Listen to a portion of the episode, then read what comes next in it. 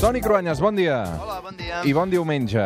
A veure, diumenge. arrenquem uh, un diumenge um, que tu deus necessitar descans perquè realment el TN t'hem vist amunt i avall, eh? evidentment molt Sí. pendents d'aquests incendis. Sí, sí, sí. Ha estat una setmana dura, els incendis, efectivament. Han marcat claríssimament la setmana. I deixa'm felicitar-te perquè vau fer un TN també excepcional, que no era fàcil, um, des de peu de pista, entrevistant el president en directe, consellers, uh, una gran feina tota la que va, vau fer també el Telenotícies, nosaltres ja hem tingut l'Òscar Fernández, Sí. vull dir que desplegament ampli aquesta setmana. Sí, sí, sí, ens hem trobat tots allà i també també és important això, perquè els periodistes no podem fer-hi res davant d'un incendi, però almenys podem explicar la feina que estan fent els bombers i com ho està patint la gent del territori, clar.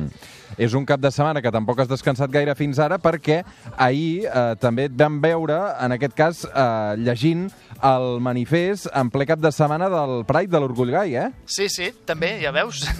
Vull dir Faig de tot, jo. No sé si estàs de ressaca avui. No, ressaca no, perquè vaig anar a dormir aviat, però va ser una festa maca, Mm. Molta gent, va estar molt bé. Mira si va ser maca que et van veure al costat de Xenoa eh, el terremoto de Alcorcón i la Carina. Eh? Sí, sí. Festa. Ja veus que jo, jo, jo feia el paper de, de... Era el sèrio, eh? I ets el rigorós de tot plegat. Va, posem una mica de música. Ahir ja ho vam veure, eh, va ser un dia també molt familiar, precisament ha estat una de les reivindicacions del Pride d'aquest any. Sí, la forma de les famílies és variada arreu del món i per molt que s'ha intentat fer passar tothom pel mateix patró religiós i cultural, per sort això ja és història, almenys a casa nostra i a la majoria de països occidentals. Què millor que acceptar les famílies dels altres, siguin de dues mares, de dos pares, una parella separada amb fills a càrrec... Avui amb el Toni Cruanyes repassem la història del moviment LGTBI. I tot això ens porta fins a Nova York perquè, eh, precisament per això se celebra ara, fa 50 anys hi va haver uns fets que van canviar la història i avui amb el Cruanyes ens explicarà quins van ser. Sí, el 28 de juny de 1969, al barri de Greenwich Village, a Nova York, hi va haver una redada de la policia que va acabar amb aldarulls i amb l'encarament dels clients del bar Stonewall eh, contra la policia que havien anat a detenir-los. Era el bar Stonewall Inn, Inn que encara existeix ara. Eh? Mhm. Era un bar en què hi freqüentaven sectors marginals en aquella època, transexuals, prostituts masculins, drag queens, hi havia joves sense sostre. I en aquell moment, Toni, tot el que tingués a veure amb l'homosexualitat, evidentment estava prohibit aleshores. I no només prohibit, sinó que es considerava de mal gust o fins i tot perillós. Per això els homosexuals només es podien trobar en alguns bars mig clandestins per socialitzar, per poder mostrar-se lliurement com eren. Tot això l'any 1969 als Estats Units en un context d'època convulsa. Hi havia les lluites pels drets civils, en connexió amb el maig del 68 a França. L'alliberament sexual era una de les cares de la mateixa revolta, els drets de les dones, de la població negra, contra la guerra de Vietnam. Hi havia manifestacions a les grans ciutats. Recordem que havien assassinat el president Kennedy feia poc, per tant sí, hi havia molta convulsió social. I a Stonewall els homosexuals van dir prou. Es van sentir empoderats, amb força. Feia dècades que Nova York, i especialment aquest barri, a Greenwich Village, hi havia una de les comunitats més importants de gais del món, i és que després de la Segona Guerra Mundial, molts soldats que havien anat al front van preferir no tornar als seus pobles. Es van quedar a la ciutat d'entrada, de tornada, que pels que provenien del front bèl·lic d'Europa era Nova York. Ells van formar part de la contracultura de les dècades dels 50 i 60, als barris més barats d'aquella època a Manhattan, com el Bronx, Chelsea o el Village. És on vivien en comunitats, en pisos sols. Era la més gran quantitat d'homes solters que hi havia als Estats Units. I d'aquí ve, per exemple, el nom d'un dels grups gais més coneguts, els Village People. I aquesta és una cançó, Toni, que tots hem ballat i té un missatge queer de fons. Sí, queer en anglès vol dir literalment estrany o sòrdid. Va ser la paraula que es feia servir per referir-se despectivament als homosexuals, com aquí la paraula maricón. La comunitat gai va positivitzar-la, és a dir, la va convertir d'un insult a un crit de guerra. L'orgull per mostrar-te com els altres et volen ridiculitzar. Això va fer que els quatre membres del grup Village People es disfressessin dels estereotips homoeròtics de l'època, no? El policia negre, el cowboy amb pistola, l'indi amb plomes, el paleta i això sí, tots desbotonats fins al malic. I tot això estem parlant de Nova York, però també ens hem de fixar en el que va passar, en aquest cas, a San Francisco.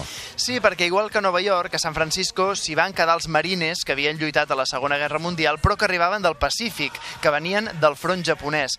Els marines gais no volien tornar als seus pobles, a les comunitats més conservadores del centre dels Estats Units, així que es van quedar a Califòrnia. A més, en aquella època, San Francisco era una ciutat barata, i a l'entorn del barri de Castro, també un dels més marginals, allà s'hi va constituir la comunitat homosexual. I, de fet, San Francisco va tenir el primer polític gai declarat dels Estats Units. Va ser Harvey Milk. Es- Se n'ha fet una pel·lícula recentment. Era un activista molt desinvolt, era molt popular.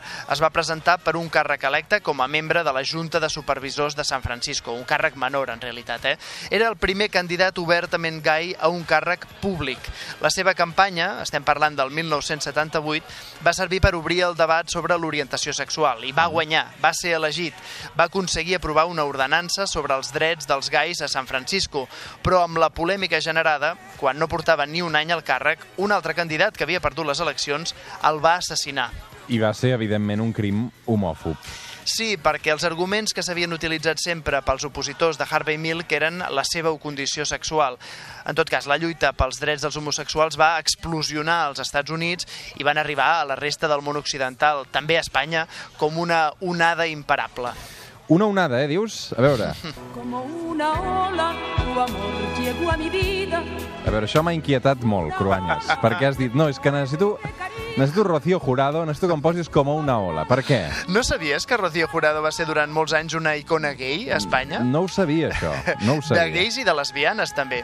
És que clar, els darrers anys del franquisme, els joves que començaven a sortir al carrer necessitaven també referents locals. Eh, clar, i llavors van recórrer els més Mira, ara- reconeguts per l'establishment Ara de que ho dius, recordo uh, una entrevista que li vaig fer a Miquel Iceta fa 3 o 4 anys, a una entrevista bastant de personatge, i que ell em va, em va escollir precisament aquesta cançó, com una ola de Rocío Jurado. Ja ho veus. Rocío Jurado o Rafael També. er- eren els artistes que sonaven sempre en les festes en què d'alguna manera dissimulada es trobaven els homosexuals durant el final Mm. del franquisme. I aquesta època de clandestinitat es va acabar l'any 1977. És l'any en què es va fer la primera manifestació de l'orgull gai a Espanya i també a Barcelona en concret. Sí, des dels aldarulls de Stonewall, a Nova York, cada any, per la mateixa data, s'organitzava una manifestació que primer va començar als Estats Units, però que van arribant també a Europa. Era la manifestació de l'orgull, una confrontació contra els que volien que els homosexuals s'amaguessin, s'avergonyissin. I en aquells moments a Espanya hi havia una llei que penalitzava precisament l'homosexualitat. Era la llei de perillositat i rehabilitació social, que era hereva de la llei de vagos i maleantes. Posava al mateix sac prostitutes, carteristes, lladres, sense sostre i homosexuals. A la presó model de Barcelona hi va haver detingudes persones acusades d'homosexualitat.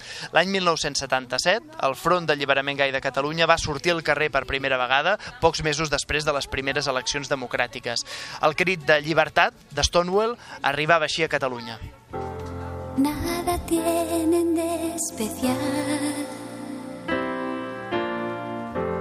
Dos mujeres que se dan la mano.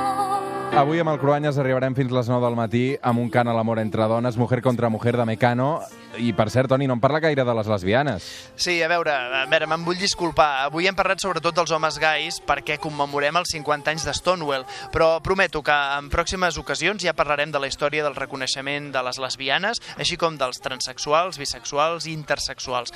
El Pride i la reivindicació de l'orgull són plurals. Fantàstic, Toni, una abraçada, bon diumenge. Bon diumenge.